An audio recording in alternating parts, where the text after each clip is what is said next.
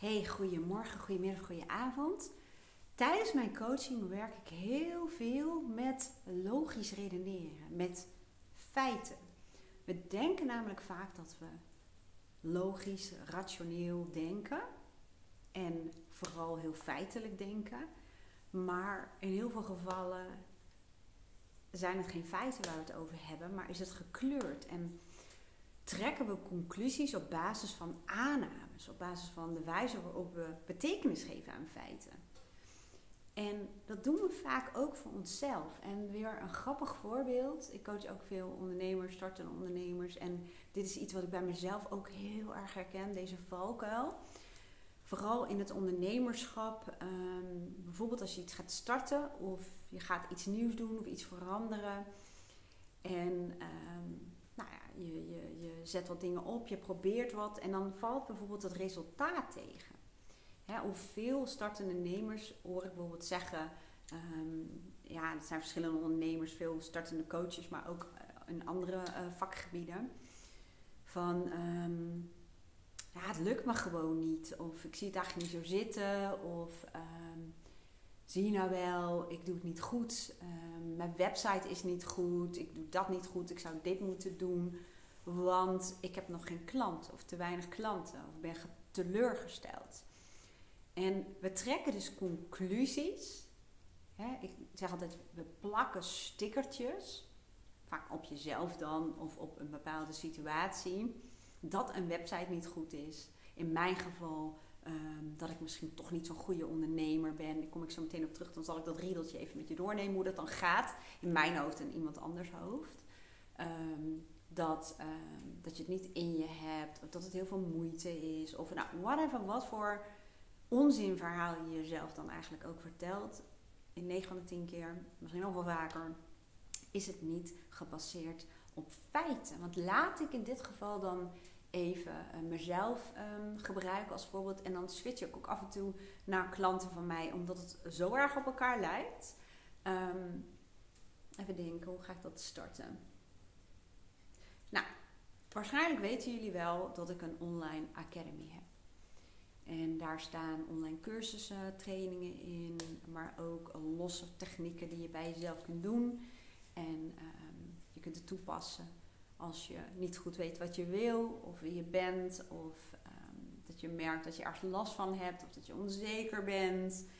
Een stukje zelfonderzoek. Uh, nou, je kunt het toepassen voor allerlei problemen in je relatie bijvoorbeeld of communicatie of nou, whatever. Het zijn allemaal um, tools, handvatten, trainingen, noem het allemaal maar op. En ik um, ben ooit begonnen met een online programma Wie ben je werkelijk en wat wil je echt. Dat is nog degene die het meest wordt afgenomen, maar is ook want die, is die bestaat al het langst. Maar ik heb een tegenstelling tot wat ik heb geleerd over marketing. Ik heb een marketing-communicatieachtergrond en helemaal in de online wereld, websites en dat soort dingen. Dus ik ben echt helemaal bekend met um, customer journeys en sales funnels en nou, noem het allemaal maar op.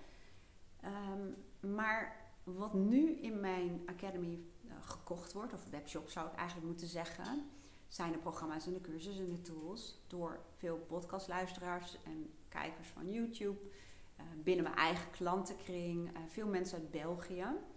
Um, maar wat ik deed de afgelopen tijd, en dat heb ik wel vaker gedaan, uh, is mezelf gaan vergelijken met de verhalen die ik waarneem op bijvoorbeeld Instagram. Dat mensen bijvoorbeeld zeggen dat ze in een week of in een jaar of in een maand, whatever, um, 100.000 euro tot 100k is toch een ding of zo. Dat zie ik overal terug. Hebben verkocht met hun online programma of een online uh, cursus of uh, wat dan ook. En dan komen de termen bij als passief inkomen en ik zit hier op het strand en um, het komt allemaal binnen. Nou vind ik de term passief inkomen zelf niet helemaal um, een goede beschrijving in die zin van um, het is waar. Hè? Bij mij komen ook verkopen binnen als ik, uh, weet ik veel, in de tuin bezig ben of aan het lunchen ben ergens. Alleen, het is niet zo dat ik daar niets voor doe. Zeker niet. En daar gaat dit zo meteen ook over. Want uh, dat, ik, ik post veel content, ik maak filmpjes, podcasts, ik doe marketing. En gevolg daarvan is vaak dat mensen het gaan uh, kopen. Maar ehm, het riedeltje in mijn hoofd ging ehm, op een gegeven moment op basis van gedachten en niet op basis van feiten.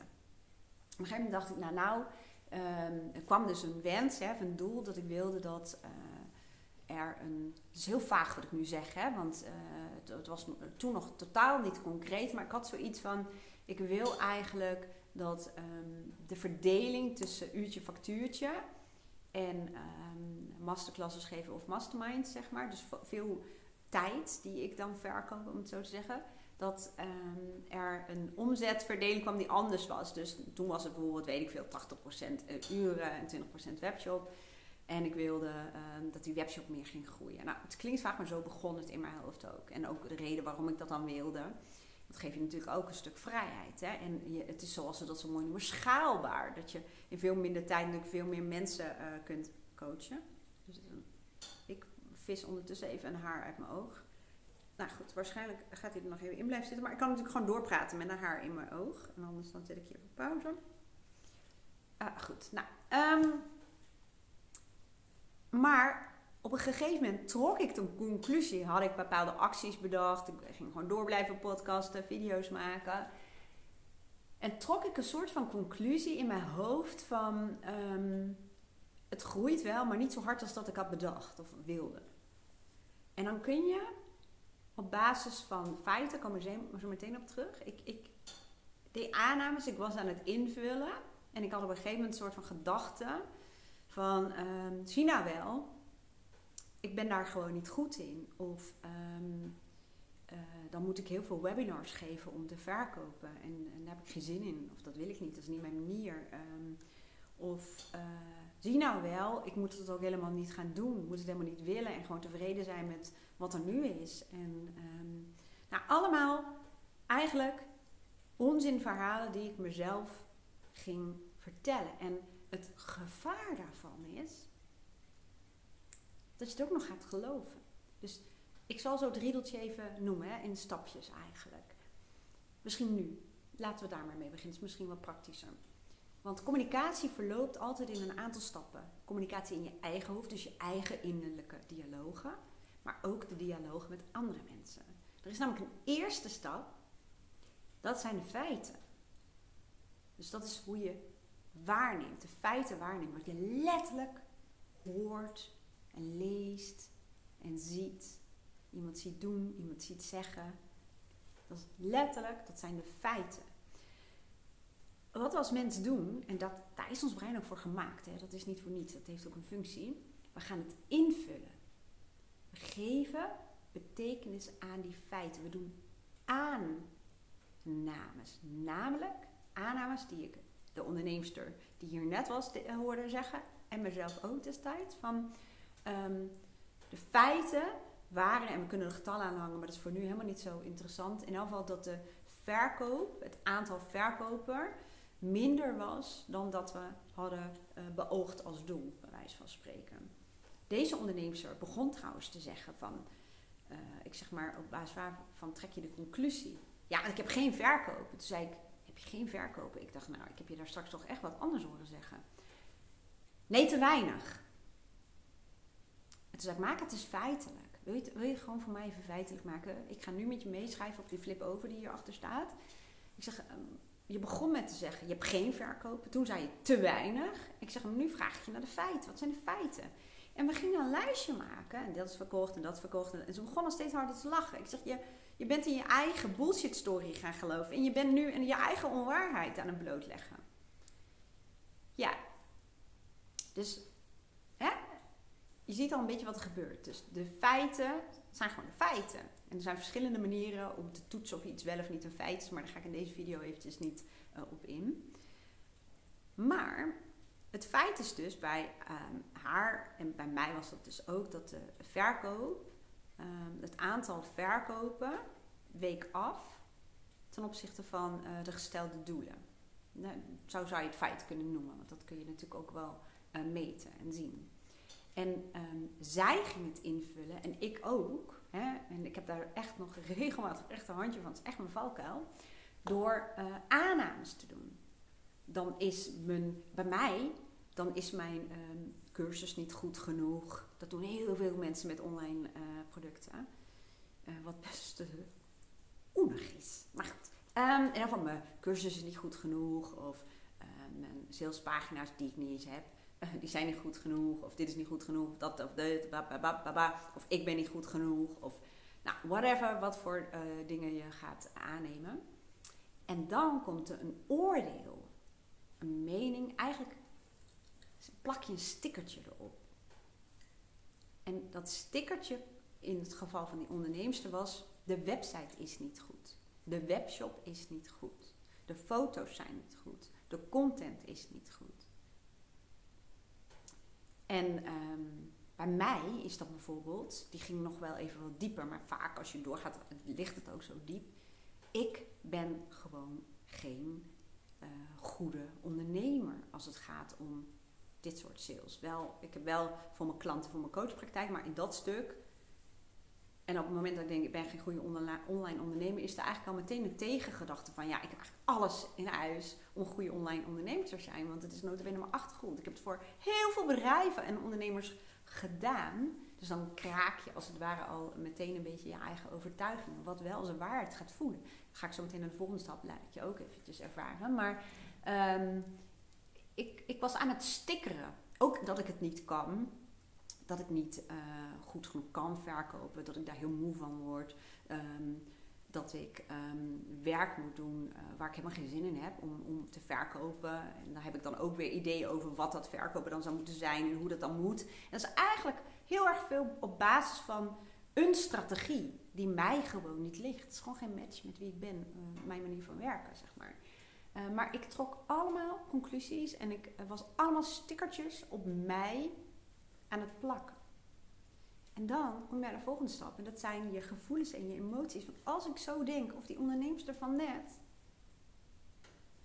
dan heb je nou, in elk geval gevoelens van teleurstelling, ontmoediging, overweldigdheid.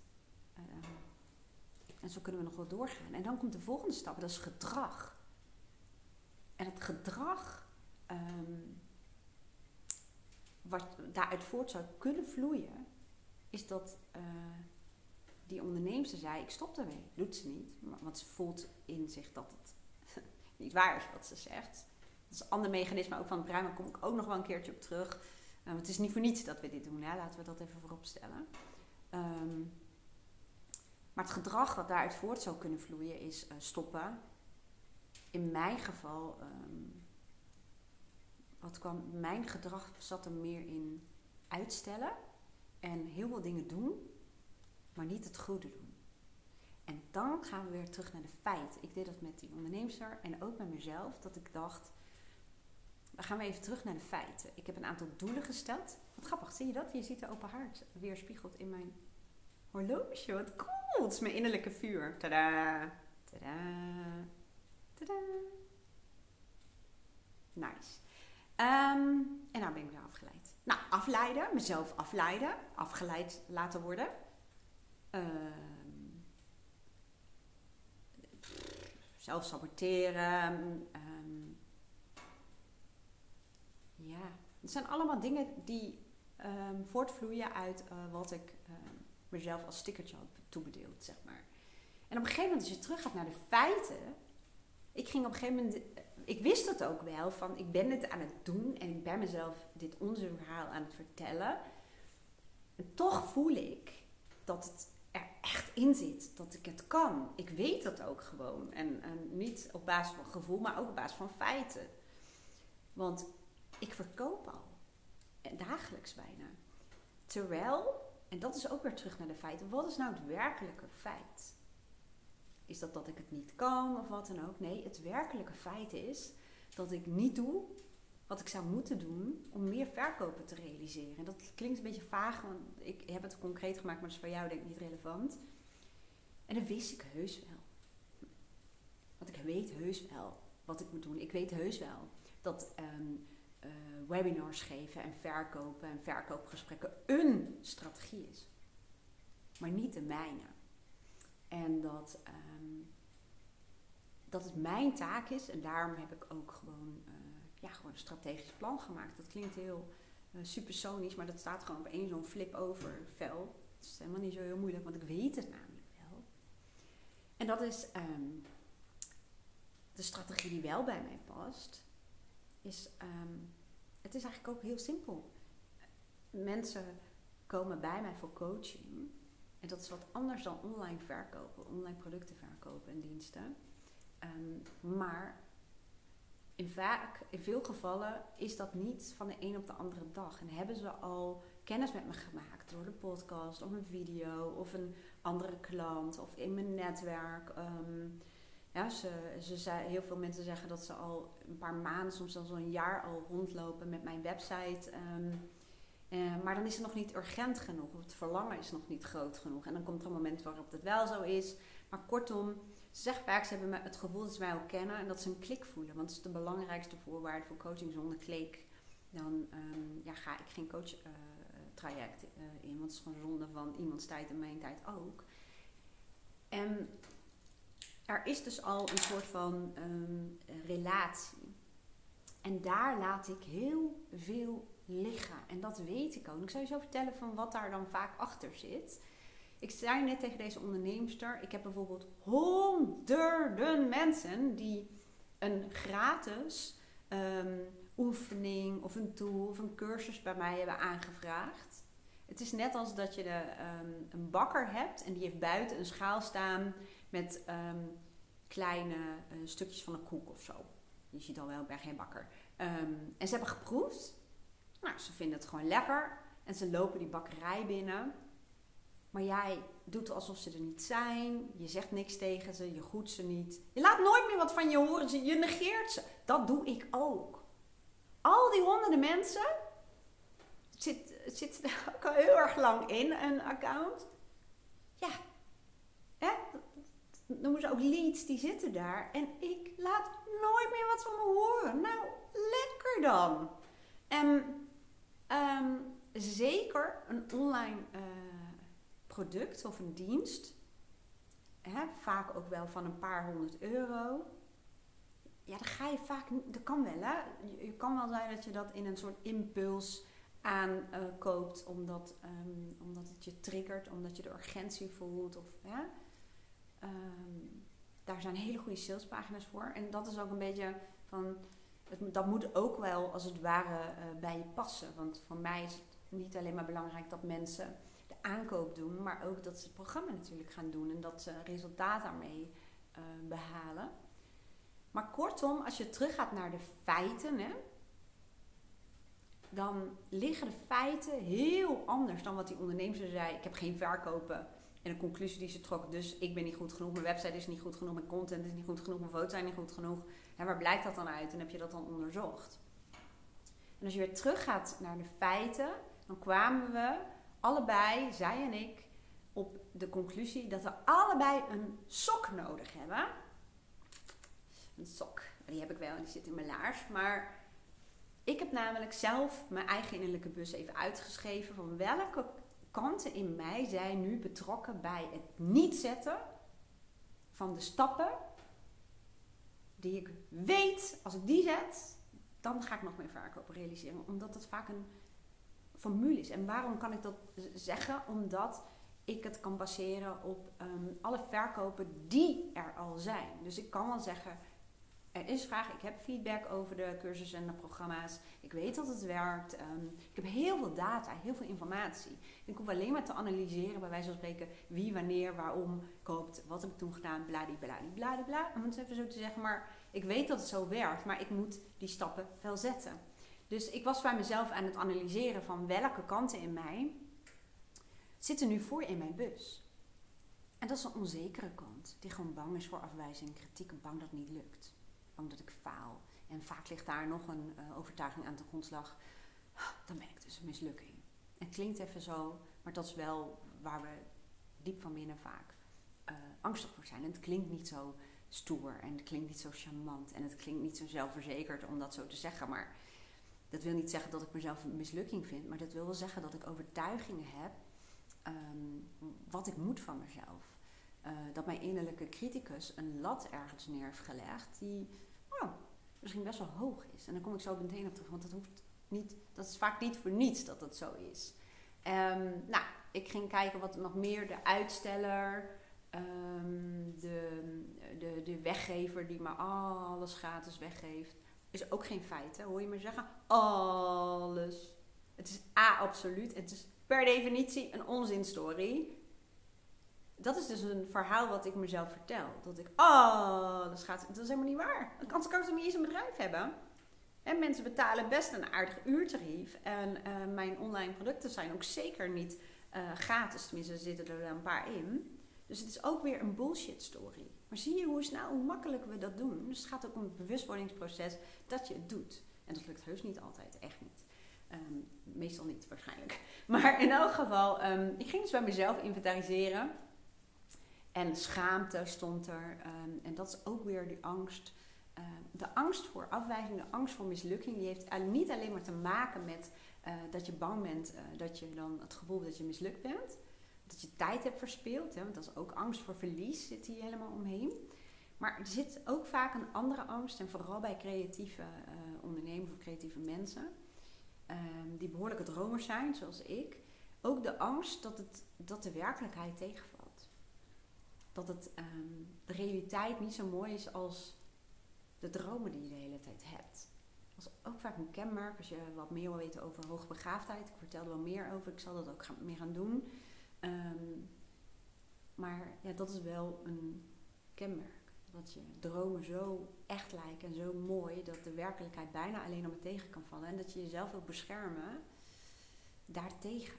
Dus de angst voor verlies, die verschillende componenten. Verlies van reputatie, uh, verlies van geloofwaardigheid. Um, nou ja, met die droom, verlies van een droom. En nou, zo kunnen we nog wel even verder gaan. Um, en dat is natuurlijk heel uh, dwingend. En zo wil ik het dus ook zeggen dat, dat, dat de gedachten die je hebt, hè, de, de stickertjes die je op jezelf plakt, en het gedrag wat daaruit voortvloeit, is vaak ook een beschermingsmechanisme. Kun je je voorstellen dat um, als ik maar gewoon een beetje aan blijf klooien zonder echt een strategie en een plan, dat het een functie heeft? Dat ik mezelf dat ook, hè, cognitieve dissonantie noemen ze dat wel, dat je jezelf ook een verhaaltje daarover gaat vertellen. Van, ach, je kunt gewoon, blijf maar gewoon posten. Het is ook bouwen hè, aan, aan je community. Terwijl iets in mij zegt, daar kom ik zo meteen dan even op terug, die sok. Um, uh, ja, het is bouwen, maar het is een beetje een schot met hagel.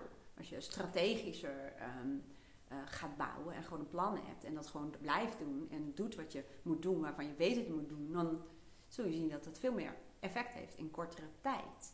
En dan is er bijvoorbeeld weer een, een angst of een onzekere kant bij innerlijke criticus die denkt: ja, maar straks lukt het niet. Of straks lukt het wel. Wat als het lukt? Hè? Dat is ook vaak een angst, de angst voor succes. Mensen denken vaak dat ze bang zijn om te falen, maar de angst voor succes is ook een, een grote. En uh, bij mij is dat ook bijvoorbeeld een angst dat ik weet als, um, als iets heel lekker gaat, wat ik, kan ik echt alles en iedereen uit het oog verliezen. En die voel ik nu heel erg. Ik weet met mindshifters in die periode, dan raak ik gewoon alles uit het oog. heb ik echt een soort hyperfocus. En ik voel hem nu gewoon, dat ik bijna emotioneel word. Dat is ook een grote angst. Dat ik bang ben dat ik mezelf zo erg verlies en niet af kan remmen. Dat ik daardoor de, de, de aandacht voor de mensen die belangrijk voor mij zijn, en mijn huisdiertjes bijvoorbeeld. Uh, klinkt een beetje gek, maar ik merkte de afgelopen dagen was ik dus bezig met wat ik wel moest doen. En dat, um, dat ik overdag gewoon langs heen chaste en um, even deks naar buiten deed, maar mijn aandacht was niet bij ze. En dat vind ik eigenlijk heel naar. En dat is. Um, of dat ik niet met mijn gedachten bij uh, iemand uh, ben in, uh, in, een gesprek. Um, niet mijn klant hoor. Wees niet bang. Dat is anders, want dat maakt onderdeel uit van dat. Ja, ik kan het niet goed uitleggen, maar meer bij. Dan ben ik dus thuis bezig en dan zeg Aaron wat, of, of Lisa. Of de kat wil bij me op schoot. En dan ben ik alleen maar bup, bup, bezig, bezig, bezig, bezig, bezig, bezig. Super focus, hyperfocus. Nou, dat is ook een grote angst. Dus je kunt je voorstellen dat het uitstellen of het vertellen dat je het niet kan, whatever, heeft ook een functie, een beschermingsmechanisme. Um, de sok. Ik ga je even de sok. Eh, op een gegeven moment heb ik dus geïnventariseerd bij mij welke kanten nu een rol, of nu niet meer, maar die rol speelde nu ook nog wel hoor, maar minder nu. Ehm, bij uh, het gedrag wat ik vertoon. Dus niet doen wat ik eigenlijk zou moeten doen. En ehm, ik begreep het ook. Ik kreeg ook waardering voor die kanten. Dat zij juist wat ik net zo voelde, hè, die, die pijn zelfs. Ehm, zij zorgen voor mij beschermen tegen verlies. Verlies van mezelf, mensen om me heen die heel belangrijk voor me zijn, andere zaken die, me, die belangrijk voor me zijn, dat ik dat allemaal uit het oog verlies. En het is best wel een realistisch iets, omdat in het verleden dat best wel vaak gebeurd is. En ehm, dus eigenlijk zeggen vaak die kanten, zolang jij daar nog geen andere manier voor hebt gevonden, dat is vaak de kwetsbaarheid die eronder ligt, iets waarvoor je moet zorgen, dan zullen wij weerstand blijven geven. Dat is vaak wat je ziet. Het hoeft niet altijd, maar dat is een patroon bij mij. Als ik op een andere manier, dus een manier kan uh, vinden om daarvoor te zorgen dat ik dus uh, mezelf en de mensen om me heen niet uit het oog verlies, dan zul je zien dat de weerstand vaak naar beneden gaat. Ook de angst en de twijfel. En uh, ik heb daar manieren voor gevonden, bijvoorbeeld door het aan mijn omgeving te vragen. Dan kan ik dat natuurlijk een beetje moeilijk aan de dieren vragen. Maar um, om regels voor mezelf op te stellen. En uh, dat is vaak ook. En om helderheid te verschaffen en scriptjes te maken. Dus daar ga ik je nu helemaal niet mee vervelen, want dat is helemaal niet interessant nu voor jou. Ik ga je wel vertellen over die sok. Want toen ging ik op een gegeven moment kijken, maar welke kanten in mij zitten nu eigenlijk wat meer achter in mijn bus die ik nu wel nodig heb. Die gaan het verschil maken. En dat is dus bijvoorbeeld een uh, planner, mijn strateeg, um, mijn commerciële kant, um, mijn gefocuste kant, die ook richting bepaalt en zich eraan houdt. Um, nou, ik heb een hele lijst gemaakt, maar ik zal je over de sok vertellen. en toen dacht ik, en de sok. Want de sok staat, en die staat nu met groene letters op mijn bord tussen alle andere zwarte letters. De sok staat voor schop onder je kont. Onder mijn kont, hè? En ook die van net, de ondernemers. Dus mocht je kijken, ik zei het je, schop onder je kont. Want hoe kun je nou jezelf zo ernstig beledigen en uh, om de oren slaan en stickertjes plakken, terwijl je niet hebt gedaan wat je zou moeten doen. Hoe kun je nou een oordeel over jezelf hebben dat iets niet gelukt is als je niet het werk hebt gedaan? Hoe kun je nu zeggen dat je niet kunt fietsen als je het maar één minuut geprobeerd hebt? Hoe kun je nu zeggen, ondernemer die nu kijkt, dat de website die je gemaakt hebt, en ik kan het weten, ik kom uit de wereld, is een hartstikke goede website. Hoe kun je nu zeggen dat jouw website niet werkt? Als je niet eens zeker weet. Als je niks hebt geprobeerd verder. Of niet niks, maar we trekken conclusies ook over onszelf. Die gebaseerd zijn op, ja waarop eigenlijk? Daar kwam een beetje fel uit. Maar dat is ook die sok, de energie van de sok. de schop onder je kont. Je kunt pas zeggen of iets wel of niet werkt, als je er nou van geprobeerd hebt. En dan nog is het niet gezegd dat ehm, iets dan niet goed is. Wat ik geleerd heb in alle tijd dat ik Google-campagnes heb gemaakt voor mezelf en uh, voor andere ondernemers. Waarbij ik ook altijd heel eerlijk ben. Ehm, ja, ik weet heel veel dingen die werken. Maar ik zeg ook, ehm, de eerste periode ga je heel erg goed elke dag monitoren. Kijken, we zetten een paar varianten naast elkaar neer. En we gaan een ABCD-testing bijvoorbeeld doen. Ehm, want we doen ook aannames over wat we denken dat werkt. Wat we denken waar ze mee zitten. En laten we eens gaan kijken um, wat in de praktijk werkt. En, en, en ook meten. En niet steeds maar alles veranderen. Maar ook kijken naar de variabelen die er zijn. Hè? Want er zijn um, invloeden van het seizoen of van de dag of gebeurtenissen. Maar dat je eerlijk daarnaar gaat kijken. En ook niet zomaar conclusies trekt of iets wel of niet werkt. En dan pas, als je van alles hebt geprobeerd en gemeten, dan misschien kun je een stickertje plakken op bijvoorbeeld je website. Dat, ehm, dat er een aantal dingen in je website uh, niet werken zoals je het had bedacht, bijvoorbeeld. Of ehm, misschien kun je dan zelfs de conclusie trekken uh, dat jij uh, op dit moment, zoals ik dat zei, hè, niet echt een ondernemer bent. Dat is niet de conclusie, die, die zou ik niet, want ik ben wel een ondernemer. Dus die klopt feitelijk helemaal niet. En ook niet als je kijkt naar mijn resultaten. Maar je kunt wel het heel feitelijk maken, een conclusie trekken. Dat er misschien zaken zijn die jij gewoon niet goed kan nog. Omdat je kennis niet voldoende hebt, je hebt de ervaring misschien, misschien geen vlieguren, misschien is het ook helemaal niet je kwaliteit. En, um, en dan kun je vanuit daar verder kijken. Dan hoef je niet het label te hebben dat jij dus niet goed genoeg bent. Um, maar misschien dat je een bepaald talent gewoon niet, uh, ja, niet of weinig hebt. Of dat je te weinig kennis en ervaring hebt. Dat is denk ik ook waarom ondernemen in mijn beleving, hè, dat is ook maar een label die ik er weer op plak, ook gaat over um, misschien uitbesteden uh, wat je uit kunt besteden. Hè, want dat lukt natuurlijk ook niet iedereen in het begin. Maar ja, aan mensen die het wel heel goed kunnen. Ik ben bijvoorbeeld echt totaal geen fotograaf. Dat is ook nogal een conclusie die ik trek. Maar laat ik het zo zeggen, want dat is ook heel subjectief. En misschien zijn er mensen die mijn foto's wel mooi vinden. Maar ik heb niet zo'n goed gevoel voor compositie. Laat ik het dan daarop houden. En, uh, maar er zijn mensen die het wel fantastisch kunnen. Michelle Verhagen, bijvoorbeeld, waarmee ik Mindshifters heb. Uh, zij is gewoon briljant daarin is ook een conclusie die ik trek, maar dat vind ik dan. Maar dat, ja, zij kan ook vaak hele mooie beelden vinden voor onze artikelen. Terwijl ik zoek dan ook iets. Als het een artikel is over perfectionisme en de lat hoog leggen, kom ik bijvoorbeeld niet verder dan een polstokspringer. Ja, en, zij, ja, dat is een talent. En dat is ook het erkennen van hè, talent. Nou, en ik heb bijvoorbeeld weer de website gebouwd.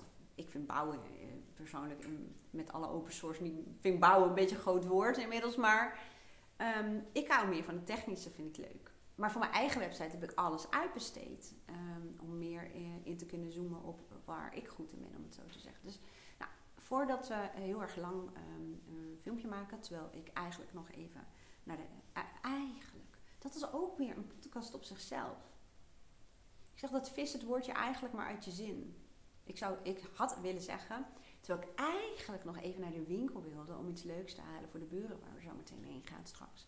Um, maar haal het woordje eigenlijk er maar uit. Want eigenlijk is het gewoon een kut. Nee, sorry, zei ik dat hardop? Mm. Ik geef je zo meteen nog een leuk voorbeeld. Ander onderwerp, maar wel heel leuk. Uh, en dat gaat ook over communicatie. Want wat ik net met je heb gedeeld, gaat natuurlijk over communicatie in je eigen hoofd. En de dialoog met andere mensen, om het zo te zeggen. Nou, wilde ik iets zeggen, dan ben ik kwijt. Oh over dat uitbesteden. Maar laten we het daar niet heel lang. Als je daar een keertje wat meer over wil weten, dan uh, let me know. Dan kan ik daar altijd nog een video of een podcast over opnemen. Um, het wordt eigenlijk. Die, laten we afsluiten met iets wat um, ogenschijnlijk niet te maken heeft met wat ik hiervoor allemaal heb verteld. Maar eigenlijk ook wel weer wel, eigenlijk. Want communicatie. Ja, wat ik al zei, verloopt in een aantal stappen. Ik haal even een voorbeeld tevoorschijn. Jaren geleden, toen ik nog manager was, toen um, hadden wij een, um, een, een, release zeg maar, van iets van een website. En um, dat zou dan op vrijdagavond starten in het weekend, omdat dan het aantal bezoekers het laagst was. Zeg maar. Dus ik wilde graag dat er iemand stand-by stond om eventueel uh, wat te kunnen aanpassen of, of een, een nieuwsberichtje. Nou, dus ik vroeg aan uh, een van uh, de teamleden van, goh, uh, zou jij aankomende zaterdag stand-by kunnen staan? Nou, en toen zei zij, ik zou, eigen, ja, ik zou eigenlijk met mijn broer naar de kinderboerderij gaan met onze kinderen. Maar ja, het is niet zo'n heel groot probleem hoor. En ik vroeg toen alleen maar, of ik herhaalde eigenlijk, ja, Zegt ze, weet je, ik wil ook niet um, vervelend doen of uh, dat jij denkt dat ik dat niet wil of dat ik niet flexibel uh, ben. Ik was, het klinkt alsof ik heel naar mens was, maar dat is echt niet zo. Maar, en Dus ik vond het gewoon lastig om nee te zeggen. En toen zei ik, maar haal het woord maar uit je zin. En toen werd ze veel stelliger. Nee, zag ik wil dat echt doen met mijn broer. Ik heb dat afgesproken en ik kijk er ook naar uit. Dus ik, nou, dan kijk ik toch even verder. Ik bedoel, er waren heel veel meer teamleden. Dus het woordje eigenlijk is een leuk woord, maar um, vis hem er maar eens uit. En dan vaak word je meteen al iets uh, stelliger. Goed. Mocht je nou denken dat uh, communicatieproces, wat je vertelde, hoe dat verloopt, hè, dat het eigenlijk best wel een hele kunst is om bij de feiten te blijven. Maar als je weer terug gaat naar de feiten, zeg ik altijd, en ik schrijf dat dan op mijn bord, serieus naar de feiten kijkt, dan trek je jezelf uit dat loopje wat jou niet helpt. Vaak is het een negatief loopje. Het is nog een dysfunctioneel uh, loopje. En vanuit daar kun je weer verder gaan. En ook communicatie met, met, met andere mensen bijvoorbeeld. Verloopt over diezelfde. Oeh, dan zie ik er wel heel veel uit. Ik zit te denken. Nou, je kunt natuurlijk mij nu afsluiten. Ik zei namelijk net dat ik ging afsluiten, maar nu komt er nog een voorbeeld tevoorschijn. Kijk, kan? Nou ja, met gemak. Ehm, nog een voorbeeld. Als jij zegt van dit vind ik super interessant, ga ik nog een ander voorbeeld geven die uh, hier ook op berust, maar uit een compleet andere hoek komt. Ik heb namelijk de eerste jaren van mijn uh, coachpraktijk heel veel relatiecoaching gedaan. Uh, zoveel dat, um, en het grappige is dat ik de Google-campagne heb gemaakt bij het kadaster toen. En ik trainde ze om campagnes te maken, maar we kregen geen budget. En toen dacht ik, ja, maar het zou wel het meest gaaf zijn als we um, een campagne konden maken. En ook konden kijken wat hij in real life ging doen. Ik was toen al parttime uh, met mijn coachpraktijk bezig. En dat, dat was ook bekend, hè, voor de goede orde. Zei ik, maar wat als we nou gewoon dat met mijn account gaan doen? Ik vond het wel spannend. Ik denk, dat is mijn geld wat daarin gaat. Maar ik dacht, we gaan het gewoon doen. Ik zei, laten we een campagne maken voor um, relatiecoaching. Nou, dat hebben we gedaan. Is in principe super leuke training. En ik heb hem aangezet. En ik heb de budget aan toegevoegd. En toen kreeg ik vanaf dat moment echt heel snel al aanvragen. Ik had toen nog geen online agenda. Nee, ik had geen online agenda. En via e-mail 90% door mannen. Op, uh, ik kon aan de tijd in de mail zien uh, wat het tijdstip van aanvragen was. Daar ga ik ook niet aan zien komen. Uh, dat mannen dat zouden zijn. Ik had aangenomen, ingevuld dat het vrouwen zouden zijn die dit wilden. Maar dat was dus niet zo. En um, ik ik zat op een gegeven moment alleen maar met stellen aan tafel. Maar ik stelde vragen en ik zag vaak al in, in, in de houding van een vrouw. En ik wilde dat niet invullen, maar verifiëren. Van, volgens mij zit ze al gewoon in de fase dat ze al afscheid heeft genomen. Dus ik splitste ze vaak ook even. En ik was op een gegeven moment meer bezig met het begeleiden bij vaststellingsovereenkomsten. Uh, schuldgevoelens ten aanzien van het uit elkaar gaan en de kinderen en nou, dat soort dingen. Um, ook wel uh, stellen die wel uh, bij elkaar zijn gebleven. Maar een van de dingen, die zal ik nooit vergeten, maar die slaat heel erg op dat communicatieprocesje. Zaten bij mij aan tafel in de praktijk. En um, nou, ze, ze zei dat ze langs elkaar heen gingen praten. En op een gegeven moment kwam er iets aan bod van dat um, die vrouw zei: Ja, jij zegt ochtends heel vaak tegen mij dat ik zo gereinigd ben. Ja, zegt hij, maar dat is dan toch ook gewoon zo? En uh, nee, zegt ze, dat was ik helemaal niet, maar door jij dat elke keer zegt, word ik het wel. En toen vroeg ik aan die man, wil jij mij eens vertellen, wat zijn de feiten? Wat neem je in die ochtend waar bij haar? Ze werd natuurlijk lang stil. Ja, zegt hij, wat moet ik dan zeggen? Dat haar mond een streep is? Ik weet niet hoe dat had uitgepakt, maar ik zei, nou ja, laten we daar eens mee beginnen. Ik zeg, hoe, hoe ja, dus, nou ja, mond is een soort streep zeg, vertel eens wat meer. Wat neem je waar? Wat zijn de feiten?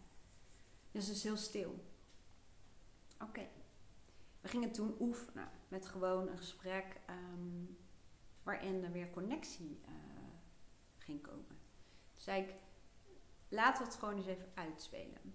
En vaak zie je bij zo'n rollenspel waar heel veel mensen altijd een idee bij hebben, eng rollenspel, uh, zo ook een aanname invullen, een stickertje plakken op rollenspel. Maar uh, we gingen het even een soort van overnieuw doen. En uh, toen, uh, ik probeerde het terug te halen, ik zie ze nog zo zitten. hij zei niet van die streep, maar hij zei van, nou, wat is of van, uh, goh, je bent wat stil. En wat er toen gebeurde is, hij benoemde wat hij zag, wat hij waarnam, een feit, zonder daar een oordeel op te hebben of bladibla. En zij ging het invullen door te zeggen, ja, want ik heb straks een presentatie en ik ben stikzenuwachtig. Ik zie er heel erg tegenop. Het grappige was wat er toen gebeurde, dat gebeurt vaak, ehm, heel vaak bij mannen, ook bij vrouwen, maar wat ik heb waargenomen bij mij in de praktijk, zag ik het veel bij mannen gebeuren. Toen zeiden ja joh, je moet je niet zo druk maken. Je moet gewoon huppel de puppel de puppel doen. En dat is vaak dat veel mensen, mannen misschien een beetje meer, maar ik wil niet conclusies trekken op basis van ja, welke data. Hè? Maar um, die willen gewoon graag helpen, het oplossen, advies geven. Maar die vrouw ging weer in de weerstand. En dat komt ook vaak omdat um, er zit vaak een behoefte achter om gezien en gehoord te worden. Niet per se om een oplossing te gaan. Want die vrouw zei, ja, maar daardoor krijg ik juist het gevoel dat ik het niet goed doe. Als jij zegt dat ik me niet zo druk moet maken, dan weet ik zelf ook wel. En daardoor vind ik het ook lastig om dit soort dingen met je te bespreken. Omdat je met dat soort dingen komt. En daar heb ik gewoon niks aan. Nou, ging nog een keertje overnieuw. En toen gebeurde het zo. Dus hij zei, je bent wat stil. Ja, ik heb een presentatie en ik ben eigenlijk stikzenuwachtig. Ik zie er heel erg tegenop. En ik vroeg hem om, um, zoals ze dat in de coaching noemen, een grondhouding aan te nemen. Nieuwsgierigheid. Oprechte nieuwsgierigheid. Je wil het weten. Je neemt aan dat je niks weet. Net als een coach dat, dat altijd doet. Dat moet, als grondhouding. En als je het niet doet, dan heb ik gewoon als coach werk aan de winkel. Nieuwsgierig. Ik zeg, je weet het niet. Je hebt oprechte belangstelling. Dus stel vragen. Dus hij ging vragen, wat voor presentatie? En ze vertelde over de presentatie. En hij wilde oprecht weten wat zij dan daarover dacht. En wat voor haar dan zenuwachtig was. En toen, bam, connectie. Want dat is, en ik krijg de kippenvel nog van. En dat is het mooie juist, want het zijn gewoon communicatievaardigheden die je kunt leren. We weten het vaak niet. Maar zie je, hij ging op de feiten zitten, dus hij benoemde wat hij zag. Bent wat stil. Zij ging daardoor, want ze kreeg de ruimte om het zelf in te vullen, betekenis te geven. En hij ging vragen stellen. En toen was er connectie. Want je bent uit de connectie of uit de verbinding als je gaat invullen. Als hij gaat invullen dat ze dus zagrijnig is. En iemand reageert op het stickertje wat je opgeplakt krijgt. En hetzelfde gebeurt ook in je eigen hoofd. Als ik niet bij de feiten blijf en aannames doe en dingen invul voor mezelf en mezelf een stickertje opplak, dan reageer ik dus op het stickertje. Met bepaalde gevoelens en emotie en bepaald gedrag. En dit uh, veranderen zorgt ervoor dat je en echt verbinding houdt met jezelf. Met je zelfvertrouwen, stabieler voelen. Ze zeggen mooi in verbinding met jezelf vertrouwen aan jezelf. Hè. Blijf wat meer staan. Ehm, je laat je niet zo meeslepen door al die gedachten die dan komen. En de gevoelens en emoties die daaruit voortvloeien. Maar ook maak je zo verbinding met de ander. Als coach is één van de allereerste dingen die je leert, behalve eerst ethiek, je grondhouding. Socrates, een filosoof, stond daar bekend om. Socratische dialoogvoering is bijvoorbeeld ook de basis van ehm, mijn coaching, zeg maar. volgens mij, ik weet het trouwens niet, maar ik vermoed van bijna elke coach, maar dat weet ik niet zeker, wil ik geen aannames doen. Um, maar wel dat je een grondhouding hebt, dat je het niet weet. Dat je wel expert bent over uh, jezelf en de, en de methodieken die je bijvoorbeeld inzet. Hè, dat je um, die gewoon uh, goed kan hanteren. Maar dat je zeker nooit en te nimmer een expert bent over de ander. En ook al heb je honderden mensen gecoacht over hetzelfde onderwerp. Het is aan jou als coach, aan mij dus ook niet om dan maar aannames te doen en in, in te vullen. Maar elke keer opnieuw een oprecht nieuwsgierige houding aan te nemen. En daardoor verandert je eigen innerlijke dialoog. Dan kun je jezelf bijsturen door jezelf, bam, weer terug naar de feiten, terug naar de feiten, terug naar de feiten. Maar je relaties veranderen hierdoor ook. En zelfs ook, en dan beloof ik, zal ik echt afsluiten. Misschien ben je er nog, dat vind waarschijnlijk een, interessant onderwerp. Ik ook hoor. maar praat ik er natuurlijk nog steeds over. Maar ehm, ook al dingen zoals um, als uh, mijn stiefzoon thuis komt bijvoorbeeld uit uh, school. En ik vraag hoe zijn dag um, is, of ik zeg was, want vroeger was dat bijvoorbeeld, ze ja goed, oké. Of nou prima. Hmm. Als je echt oprechte nieuwsgierigheid hebt, dan kun je op een heel ander niveau in verbinding komen met je kind of stiefkind of partner of collega of medewerker of leidinggever of wie dan ook. En natuurlijk kun je vragen stellen, wat is dan goed? Maar dat, dat, dat ze ook spelen, wat ligt bij wie en wanneer.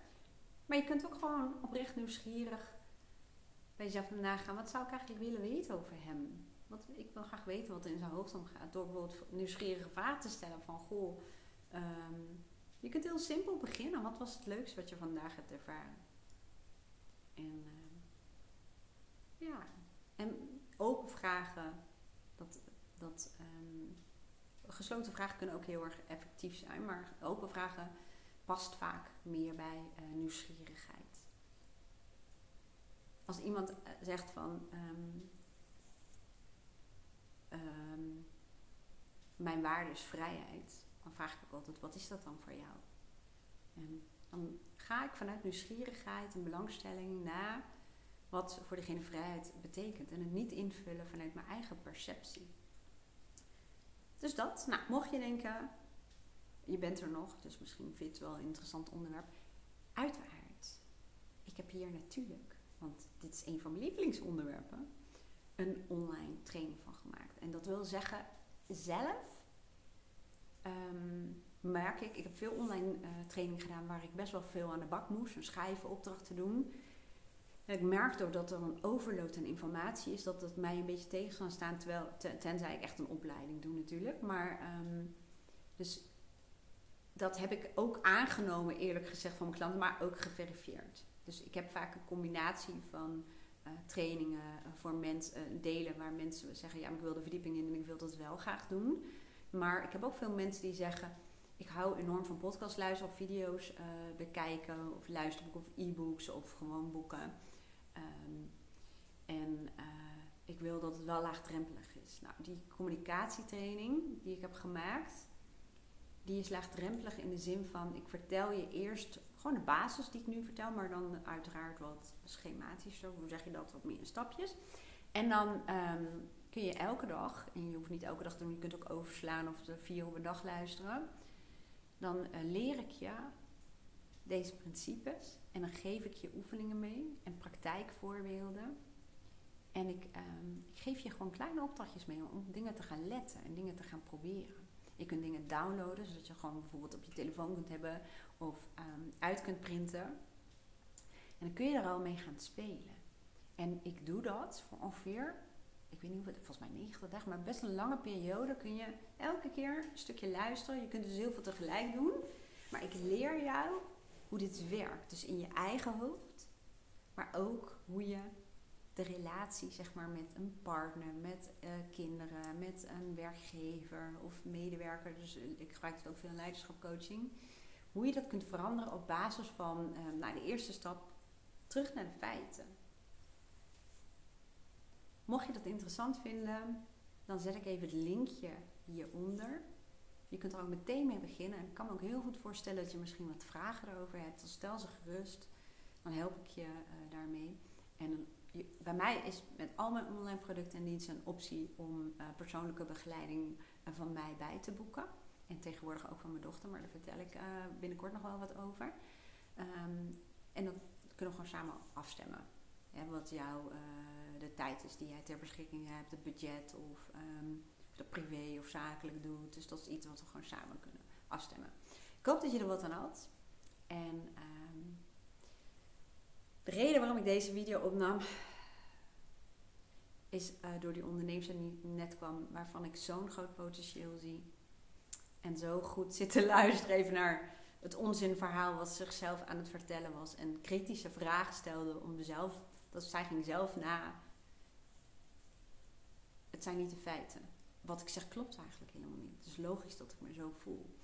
En het klinkt een beetje vaag, maar het is echt mijn missie om ehm, nou, mensen te helpen om naar hun eigen onzinverhalen te kijken en er een nieuw verhaal van te maken. Waardoor je hoop en vertrouwen hebt, jezelf gaat waarderen, de mensen om je heen en ja, heel simpel gewoon een veel fijner leven hebt dan dat je misschien nu al hebt. Nou, dat was hem. Dankjewel voor het kijken. Mocht je er wat aan hebben, dan uh, doe een duimpje omhoog. Of abonneer je, zodat je er niets meer van mist. En als je het via een podcastkanaal uh, luistert, dan um, zou je mij blij maken met een... Heel veel mensen zeggen een 5 sterren review, maar dat bepaal jij natuurlijk lekker zelf. Misschien vind je helemaal geen 5 sterren, maar um, leuk als je een beoordeling achterlaat. Ik wens je een hele mooie dag en heel graag tot de volgende video podcast.